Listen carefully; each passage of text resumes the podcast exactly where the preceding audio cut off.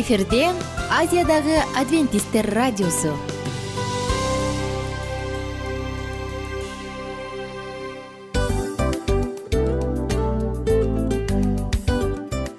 Салам достор. Ден соолук өмүр булагы. Жана биздин биринчи байлыгыбыз демекчи саламат саамы рубрикасына кош келдиңиздер. Бир да кишинин ооругусу келбегени айтпаса да түшүнүктүү анткени ооруганда жаныбыз кыйналганы аз келгенсип көп көйгөйлөр жаралышы да ыктымал. Андан тышкары жумушка же мектепке бара албай же үй бүлөбүзгө кам көрө албай калабыз. Ал эле эмес башка бирөөнүн бизге кам көрүшүнө муктаж болуп калышыбыз ыктымал. Ошон үчүн дарыланууга караганда алдын алуу жакшы эмеспи. Биздин рубрикада биз ар кандай фактылар менен маалыматтар менен кеңештер менен бөлүшүп чын жүрөктөн сиздердин ден соолугуңуздарды каалайбыз. Ошон үчүн биздин рубрикага кош келдиңиздер. Жана даярданып туруңуздар анткени кийинки мүнөттөрдө кызыктуу фактыларга ээ болосуздар. Ошон үчүн достор эң биринчи байлыгыбызды колубузга алдык да алдыга жөнөдүк. Биз менен болуңуздар саламат саама ден соолуктун жарчысы. Саламат саама ден соолуктун ачкычы. Күн сайын сиз үчүн мыкты кеңештер сонун жаңылыктар кызыктуу фактылар. Биздин рубрикада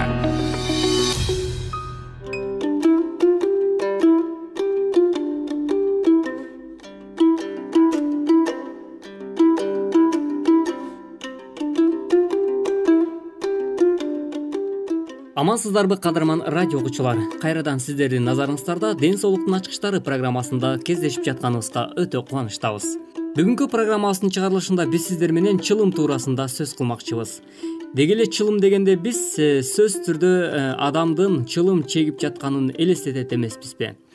Ал эми дал ошол чылымдын адам баласынын ден соолугуна тийгизип жаткан терс таасирлерин эч кимибиз деле этибар албайбыз.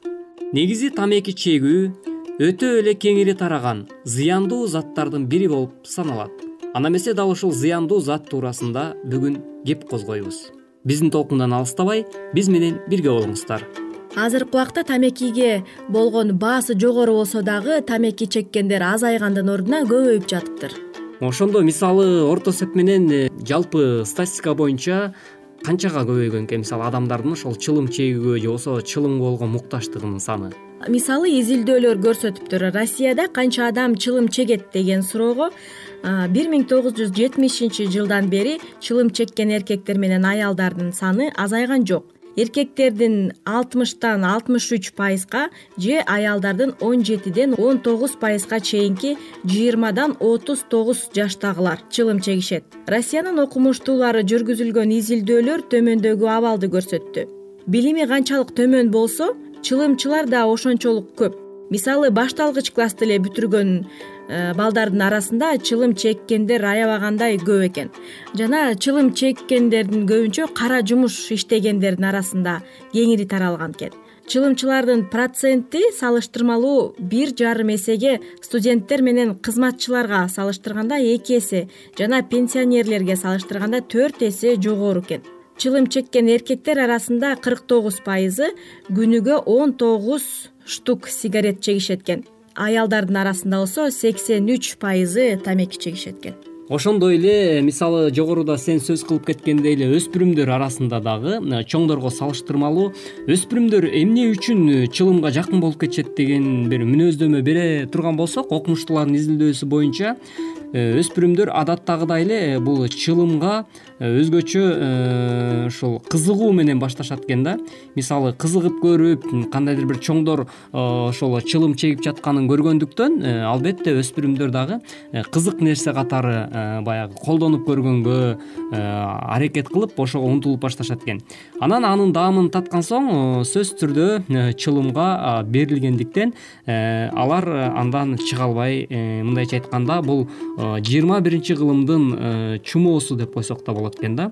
Анткени э, чылымдын э, составында никотин жана дүүлүктүрүүчү бир касиетке ээ болгондуктан мисалы көпчүлүк жаштар мунун негизинде тамеки чегүүнүн бир ырахат алуу үчүн же болбосо денени сергитүү ыкмасын колдонуу катары колдоно беришкендиктен улам чылымдын активдүүлүгү жогорулай берет экен дагы мындайча айтканда адамдын толук денесин башкарганга өтө активдүү жана жөндөмдүү экен. Анткени чылымдын составында биз жогоруда айткандай эле никотин ээлегендиктен ал кандайдыр бир стресс абалда болгондо кандайдыр бир көйгөй болуп аткан учурда чылым чеккенде адам мындай эс алганга балким бир эс алгансып калат. Эс алгансып. Ошол бир мүнөттөрдө ооба ошол бир минуталарда бир эс алгансып рахат алгансып калат экен да. Бирок мунун натыйжасы убактылуу гана болот экен.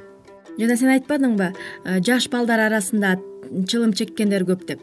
Мисалы ошол жаш балдардын арасында үй бүлөлүк абалын карасак балким алардын ата энеси тамеки чегет анан кичинекей жаш бала кичинекей курагындан эле атасы тамеки чегип жүргөнүнө караганда ал бала дагы мен кийин чоңойгондо дагы ушундай атамдай болуп тамеки чегем деген балким ойлор келет да. Бизде да кыргызда жакшы бир макал бар эмеспи. Баягы аганы көрүп ине өсөт деп коет го мисалы үй бүлөдө деле э, балким э, агалары ошол эле биз жогоруда айткандай байкелери болобу же ата энеси болобу алар дагы чылым чеккен болсо сөзсүз түрдө баласы кайра эле э, ошол нерсени кайталайт. Анткени уядан баягы балапан уядан эмнени көрсө ал учканда ошону алат деген да кеп бар эмеспи анысы карындай сөзсүз түрдө баягы бала үй бүлөдөн ата эненин кылып жаткан нерсесин сөзсүз түрдө ал кийин келечекте кайталайт. Ошондуктан ата энелер силер дагы бул жаатты эске алып коюшуңар э, өтө э, мындай бир жоопкерчилик менен мамиле кылуубуз э, өтө мындайча айтканда бизге сабак болуш керек экен да. Ошол эле сырткары мисалы жаш өспүрүмдөр арасында тамеки чеккенге өтө берилип кеткендигинин себептери эмнеде анткени жаш балдардын өспүрүмдөрдүн организми мындайча айтканда таза эч кандай дирдеген эмес эч кандай алар мисалы бат эле кабыл алып анан бат эле көнүп кетишет окшойт да. Өспүрүмдөрдүн организми өтө кабыл алуусу бат болгондуктан физиономиялык жаатта да карап келгенде окумуштуулар боюнча булардын нерв системасын тезирээк мындайча айтканда алсыздандырып коет экен да. Ошондон улам э, алардын нерв системасын алсыздандыргандыктан тамекиге өтө берилип кетип алар э, ошондон чыга албай калган өспүрүмдөр көбүрөөк экен. Буга мисал алсак мисалы ошол эле орусия жергесинде россияда жаштарды жаштардын ошо чылымга берилип кеткени басымдуулук кылат экен башка өлкөлөргө салыштырмалуу. Мисалы балаң э, баарыбыз эле ата энебиз да же болбосо ата эне болобуз. Анан ошондо баарыбыз эле айтабыз чылым чегүү бул зыян чылым чегүү бул аябагандай көп ооруларды алып келет деп. Бирок баарыбыз тең ар бирибизден баштасак мисалы мен ата эне болсом балама жок бул тамеки чегүү э, биздин ден соолугубузга аябай көп зыян алып келет. Деп биздин үй бүлөдө тамекиге каршыбыз биз баарыбыз тең балким ушундай ураандарды дагы айтсак биздин балабыз кичинекей кезинен баштап ии бул зыян экен булундай кылган болбойт экен деген ой менен чоңойсо балким биздин кыргызстаныбыздагы адамдар ойгонуп чылым чеккендер азаят болуш керек. Ооба сөзсүз түрдө албетте баягы үй бүлөдөгү ата эненин кеңеши дагы көптөгөн көйгөйлөрдүн алдын алганга сөзсүз түрдө жардам берет эмеспи.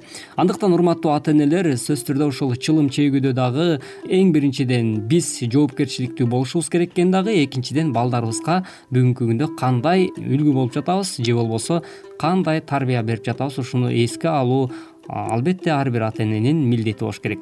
Андыктан урматтуу угармандар ушуну менен бизге бөлүнгөн убактыбыз да өз соңуна келип жетип калды. Бүгүнкү программабызда биз чылым туурасында сөз кылдык. Келэрки программада дагы дал ушул чылымдын адам баласынын ден соолугуна дагы кандай таасирлерди тийгизет? Ушул жаатта сүйлөшмөкчүбүз.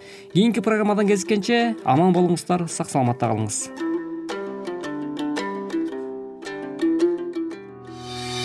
саламат саама ден соолуктун жарчысы. Саламат саама ден соолуктун ачкычы. Күн сайын сиз үчүн мыкты кеңештер сонун жаңылыктар кызыктуу фактылар биздин рубрикада.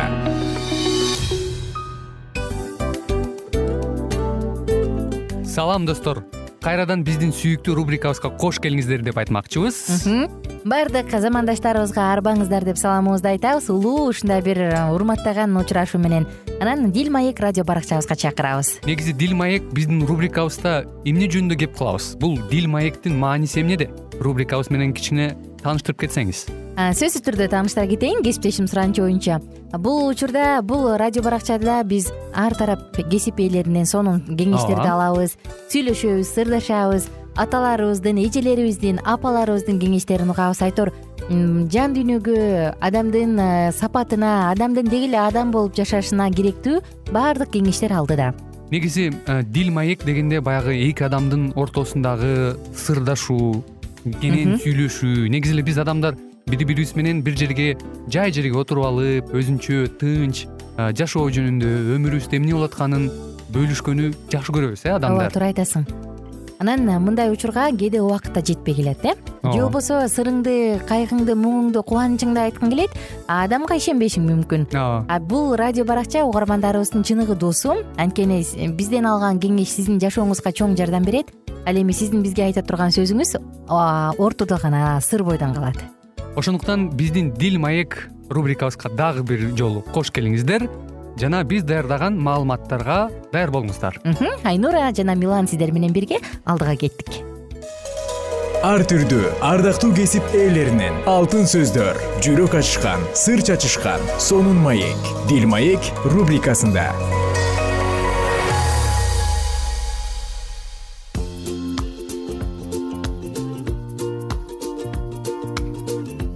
Салам достор. Кайрадан биздин дил маек программабыз ушинтип келип жетти жалпы угармандарыбызга ысык салам айтабыз дагы. Биздин кереметтүү саатыбызга чакырабыз. Анткени кереметтүү саатта адамдын жашоосунда керемет кыла турган сонун окуялар сонун нерселер сонун учурлар жөнүндө айтып беребиз. Жана мындай күндөрдүн бири бүгүнкү темабыз комплимент. Ооба эфирде мен мику жана менин кесиптешим аку сиздерге сүйүшкөндөргө жана үй бүлөлөргө абдан керектүү темалардын бири комплимент.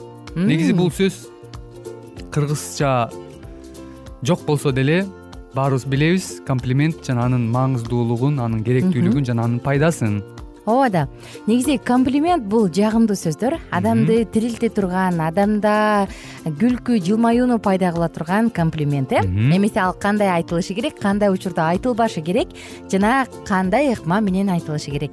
Негизи менимче баягы ой кыздар комплиментти жакшы көрөт дегени менен мырзалар көбүрөөк колдоого муктаж болгондуктан мырзалар деле жакшы көрөт комплиментти кошуласыңбы адамдын ар бир адам албетте балдар э кичинекей балдар жакшы көрөт комплиментти баары жакшы көрөт. Ал эмес чоочун биринчи жолу таанышып аткан адамга деле бир комплимент айтсаң о ага да жагымдуу мамилең кадимкидей жакындаша түшөт айтор комплименттин жардамы менен мындай сыйкырдуу сөздөрдүн жардамы менен чын эле сыйкырдуу мамиле курса болот. Негизи сыйкырдуу сөз деп аябай жакшы айттың кесиптешим. Анткени сөздүн күчү кудурети чоң. Сөз менен көп нерселерди кылса болот. Ал эми э, жакшы сөздөр менен жагымдуу сөздөр менен комплименттер менен биз адамдын жашоосун өзгөртүп жада калса жөн гана бактылуу кылбастан анын ден соолугун да чыңалтсак болот экен. Ооба мына элестетип көр. Комплименттин жардамы менен. Комплименттин жардамы менен. Анан биз кээ бирде кээ бирде эмес көп учурда тилекке каршы сөздөргө көп көңүл бурбайбыз. Анан комплименттерге аябай баягы көп көп айтпайбыз да комплименттерге. Жада калса жакшы сөздөр мына маршруткада кетип баратып баягы жалпы коомдук транспортто кетип баратып дагы шопурга рахмат байке. Ушул жерден токтотуп коесузбу? Чоң рахмат. Жолуңуз жакшы өтсүн. Аябай жакшы жеткиргениңизге рахмат деп э? маршруткаңыз таза экен. Э, автобусуңуз сонун экен деп. Эми баягы шоро саткан эжеге шоро ичип бүткөндөн кийин аябай даамдуу экен. Өзүңүздөй сонун. экен. Өзүңүз бышырдыңызбы деп биз ошол өзүбүздүн баягы чечендигибизди жакшы сөздөргө эч аябашыбыз керек экен. Каалаган адам бүт адамдарга ошол жагымдуу сөздөрдү беришибиз керек чачышыбыз керек экен. Балким бир бейтааныш адамдын жашоосунда ошол болгон бир комплимент бир сөзүбүз анын толук бир күнүмдүк маанайын өзгөртүп туура айта кеттиң мико мисалы биз көбүнчө мындай салтка айланып калган жүрүм турум менен жүрөбүз э? Рахмат деген сөздөн ашык нерсени айтпайбыз. Бейтааныш менен сүйлөшпөйбүз.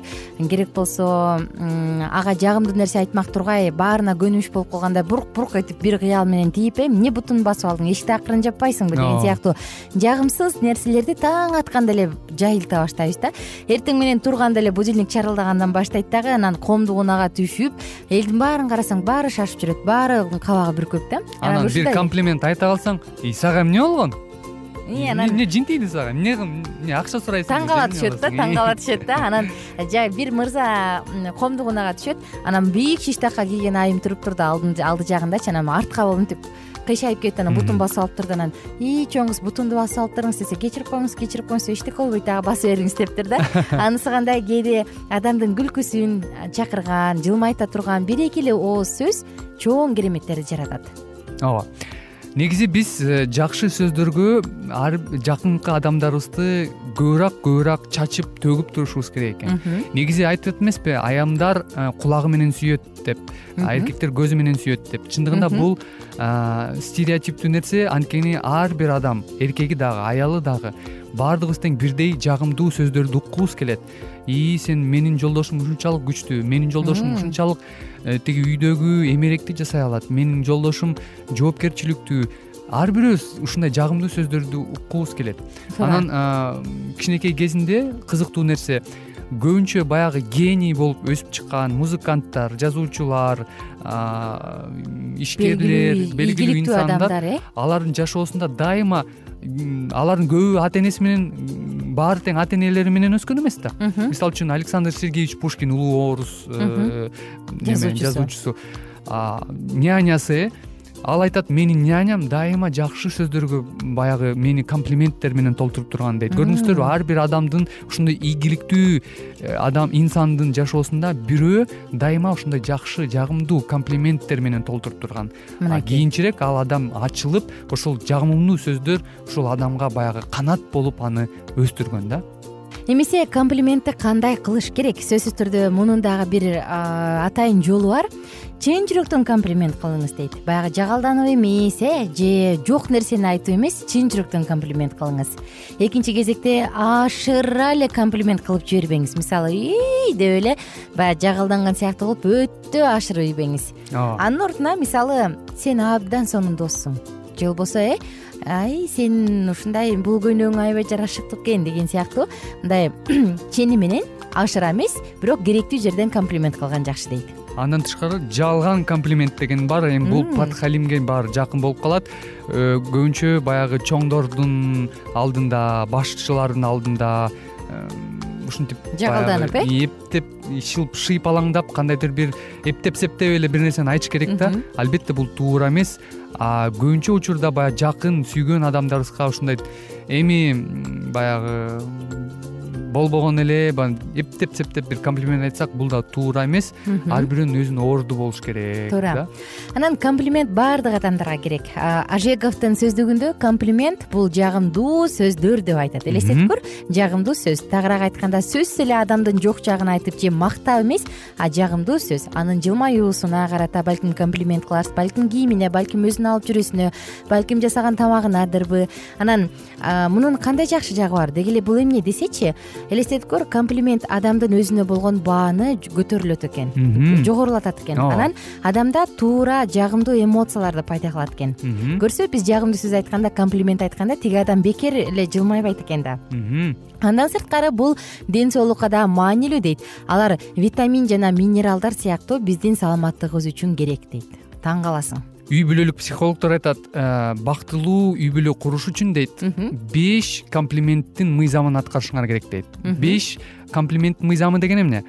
Бир күндө өлдү дегенде беш комплимент айтыш керек. Эркек аялга аял эркекке сен канча жакты. айттың акылуу мен негизи көп эле аракет кылам айтканга. Бирок беш эмес да бешке жетпейт. балким күнүнө бирди бүгүндөн баштап эми бештен бештен бер. ойлонуп атам ушу үйгө баргандан кийин атайын кагаз калем сап алып алып жазайын депчи. А көрдүңбү мындай болуп атпайбы? Комплимент айтаардан мурун сен туруп туруп эле бир фантастиканы айтып салбайсыңбы? Сен ооба да. ойлонушуң керек да бул мындай кылды ошону белгилешиң керек. А значит биз бири бирибизге көңүл бурушубуз керек. Үй бүлөлүк жашоодо биз телевизордон көзүбүз чыкпайт башка жактан аялыбызга көңүл бурулбай калат күйөөбүзгө көңүл бурулбай калат. Ошон үчүн комплимент жакшы комплимент айтыш үчүн биз көңүл бурушубуз керек внимательный болушубуз керек. Ошон үчүн беш э, комплименттин мыйзамын сактагыла үй бүлөлөр. Мынакей достор ошондуктан эгерде сиз комплимент айтам деп чечсеңиз анда бар чындык нерсени айтыңыз. Болбосо келинчегиңиз же жолдошуңуз таарынып калбасын. Анан ал өтө эле баягы куулуктун фантигине оролуп калбасын э. Ал жерде туура чынчылдык анан сүйүү болуп турсун. Ошондо мына сиздин жашооңуз абдан абдан абдан кооздолот. Анан комплимент өтө эле ашыра болуп кетпеши керек. Абайлаңыз эгерде жолдошуңуз өмүрлүк жарыңыз анча мынча бир кыйтырылыкты жаман көрө турган болсо ага тескерисинче жагымсыз болуп калышы мүмкүн.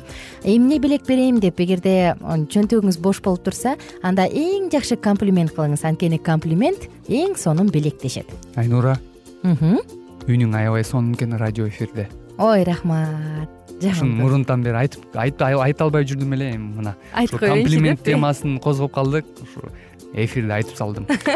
Жакшы. Убактыбыздын соңуна келип калдык. Чоң рахмат кесиптеш. Сиздер менен коштошобуз. Убактылуу гана кийинки уктурууга чейин сак саламатта калыңыздар. Анан үйгө баратканда сүйүктүүңүзгө кандай комплимент айтасыз? Ойлоно кетиңиз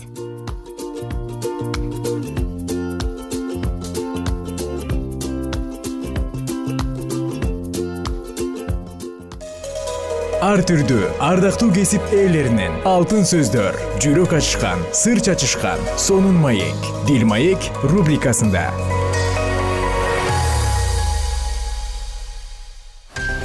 Жан дүйнөңдү байыткан жүрөгүңдү азыктанткан жашооңо маңыз тартуулаган жан азык рубрикасы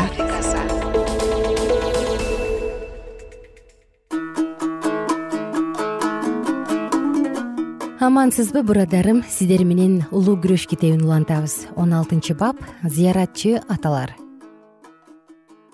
Англиялык реформаторлор католиктердин окутууларынан баш тарткандыгы менен алардын көп сандаган эрежелерин сактап калышкан.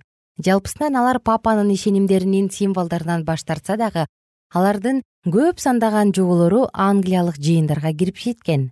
Бул каада салттар абийирге тие турган суроо болуп эсептелбейт деп бекемделген чынында бул нерселер ыйык жазууда көргөзүлгөн эмес. Ошону менен бирге эле буларга тыюу салынган жерлери дагы жок. Аларды сактоо рим менен протестанттарды бириктирип турмак жана католик протестант ишеними деп атоого дагы болмок. Талам тартышты жакшы көргөн консерваторлор үчүн бул көз караш туура деп эсептелген. Бирок башкача ой жүгүрткөн адамдар дагы болгон. Бул нерселердин чындыгы ушул жоболор рим менен реформациянын ортосунда көпүрө куруп турат алардын ою боюнча аларды сактоого каршы болгон. Ал нерселерден алар баштагы өздөрү бошонгон экинчи көргүлөрү келбеген моюнтуруктун кулдугунун символун көрүшкөн. Кудайга кызмат кылуунун негиздерин теңир өзү өз сөздөрүндө бекемдеп калтырган. Жана адамдар аларга бир нерсе кошо же ала албай тургандыктарын айтышкан. Чындыктан баш тартуу мына ушундан башталган. Кудайдын бийлиги чиркөөнүн бийликтери менен кошумчаланган. Башында рим кудай тыюу салбаган нерселерди киргизген. Ал эми акыр аягында теңир аркылуу коюлган көрсөтмөлөрдү жокко чыгарды. Көпчүлүк адамдар баштагы христиандардын чыныгы тазалыгына жана жөнөкөйлүгүнө кайрылып келүүнү чын жүрөктөн каалашкан. Ал эми англия жыйынынын көпчүлүк жоболору бутка табынуучулукту элестетип тургандыктан көп адамдардын мындай кызматтарга катышуусуна абийири жол берилбей кыйналышкан. Бирок жыйын мамлекеттик бийликтин колдоосунан пайдаланып коюлган эрежелерден башка жакка чыгууга жол берилген эмес. Мыйзам боюнча бардыгы кабыл алынган жыйынга келип туруулары милдет болуп саналган.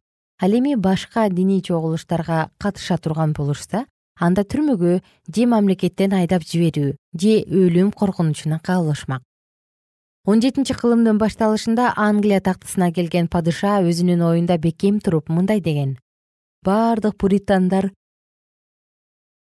англиялык жыйындын кадырын сыйлашсын. Же болбосо жаман жагдайга кабылып калбаары үчүн мамлекетти таштап кетишсин.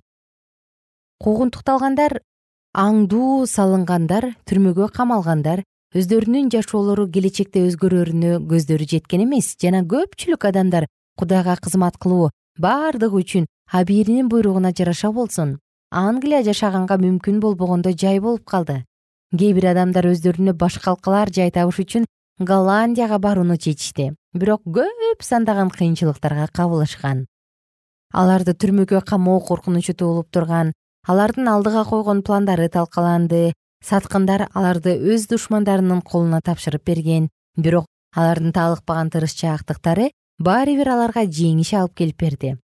Меймандос голландия мамлекеттеринин жээктеринен өздөрүнө баш калкалар жай табышкан өз өмүрлөрүн сактап калууга аракеттенгендиктен алар өз таштарын мүлктөрүн жана жан сактап туруш үчүн керектүү болгон тамак аштарын калтырышкан. Өздөрүнө бейтааныш каада салттуу бөтөн тилдүү адамдардын арасында калгандыктан алар бир сындырым нан таап жеш үчүн жаңы кесиптерди үйрөнүүлөрү зарыл болду. Өз өмүрүндө жер иштеткен карып калган адамдар эми кол өнөрчүлүк кесиптерди үйрөнүштү керек эле. Бирок алар бир убакыт дагы аракетсиз калбастан баардык нерсеге бел байлашып өздөрүнүн башына түшкөн нерселерди бекемдик менен кабыл алышкан. Алардын муктаждыктары көп болсо дагы кудайдан алган өзү менен эркин баарлашууну ыйгарган кудайга ыраазычылыктарын айтышып жүрөктөрүн кубанычка толтурушту алар өздөрүнүн зыяратчылар катары сезишкен жана өтүп кете турган нерселерге назар салышкан. Жок. Бирок өз көздөрүн асманга өз ата мекенине чаптырышып өз рухун сооротушкан куугунтуктар жана ажыратуулар алардын ишенимин жана сүйүүсүн бекемдеди. Алар теңирдин берген убадаларына ишенишкендиктен теңир аларды муктаждыкта калтырган жок. Кудайдын периштелери ар дайым алардын жанында болуп жолоочулап жүргөндөрдү сооротуп жана колдоп турушкан. Жана теңирдин колу качан аларды океандын нары жагында алар мамлекет кылып өздөштүрө турган жерге жибергенде алар урпактарын улантыш үчүн эч шек санабастан теңир көргөзгөн багытка барышкан. Кудай өз ырайымын кабыл алганга даяр болсун үчүн өз элине сынак берди. Кудайдын чыныгы жыйыны жогорулаш үчүн басырынган.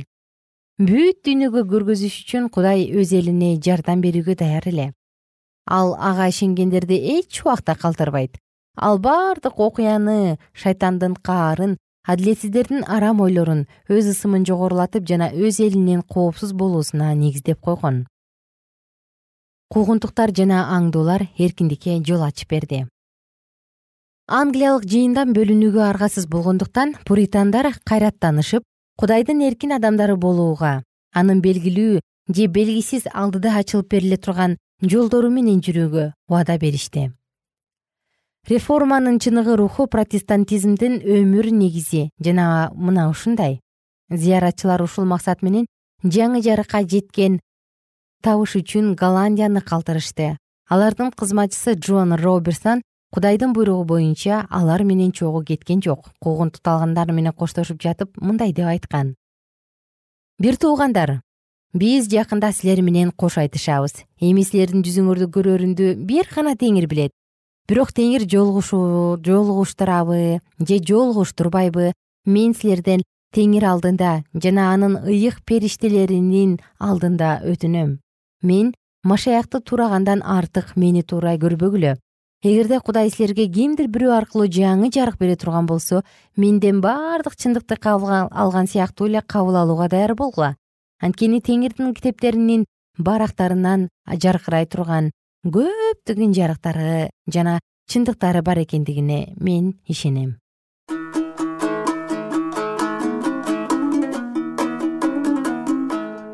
Ардактуу айымдар жана мырзалар ардактуу достор сиздер менен уктуруубузду кийинки жолу улантабыз. Ага чейин сак саламатта калыңыздар жана күнүңүздөр көңүлдүү улансын. Тарых кызыктуубу анда биз менен бирге болуңуз ушун менен достор программабыздын уктуруубуздун эң кайгылуу мөөнөтүнө келип жеттик.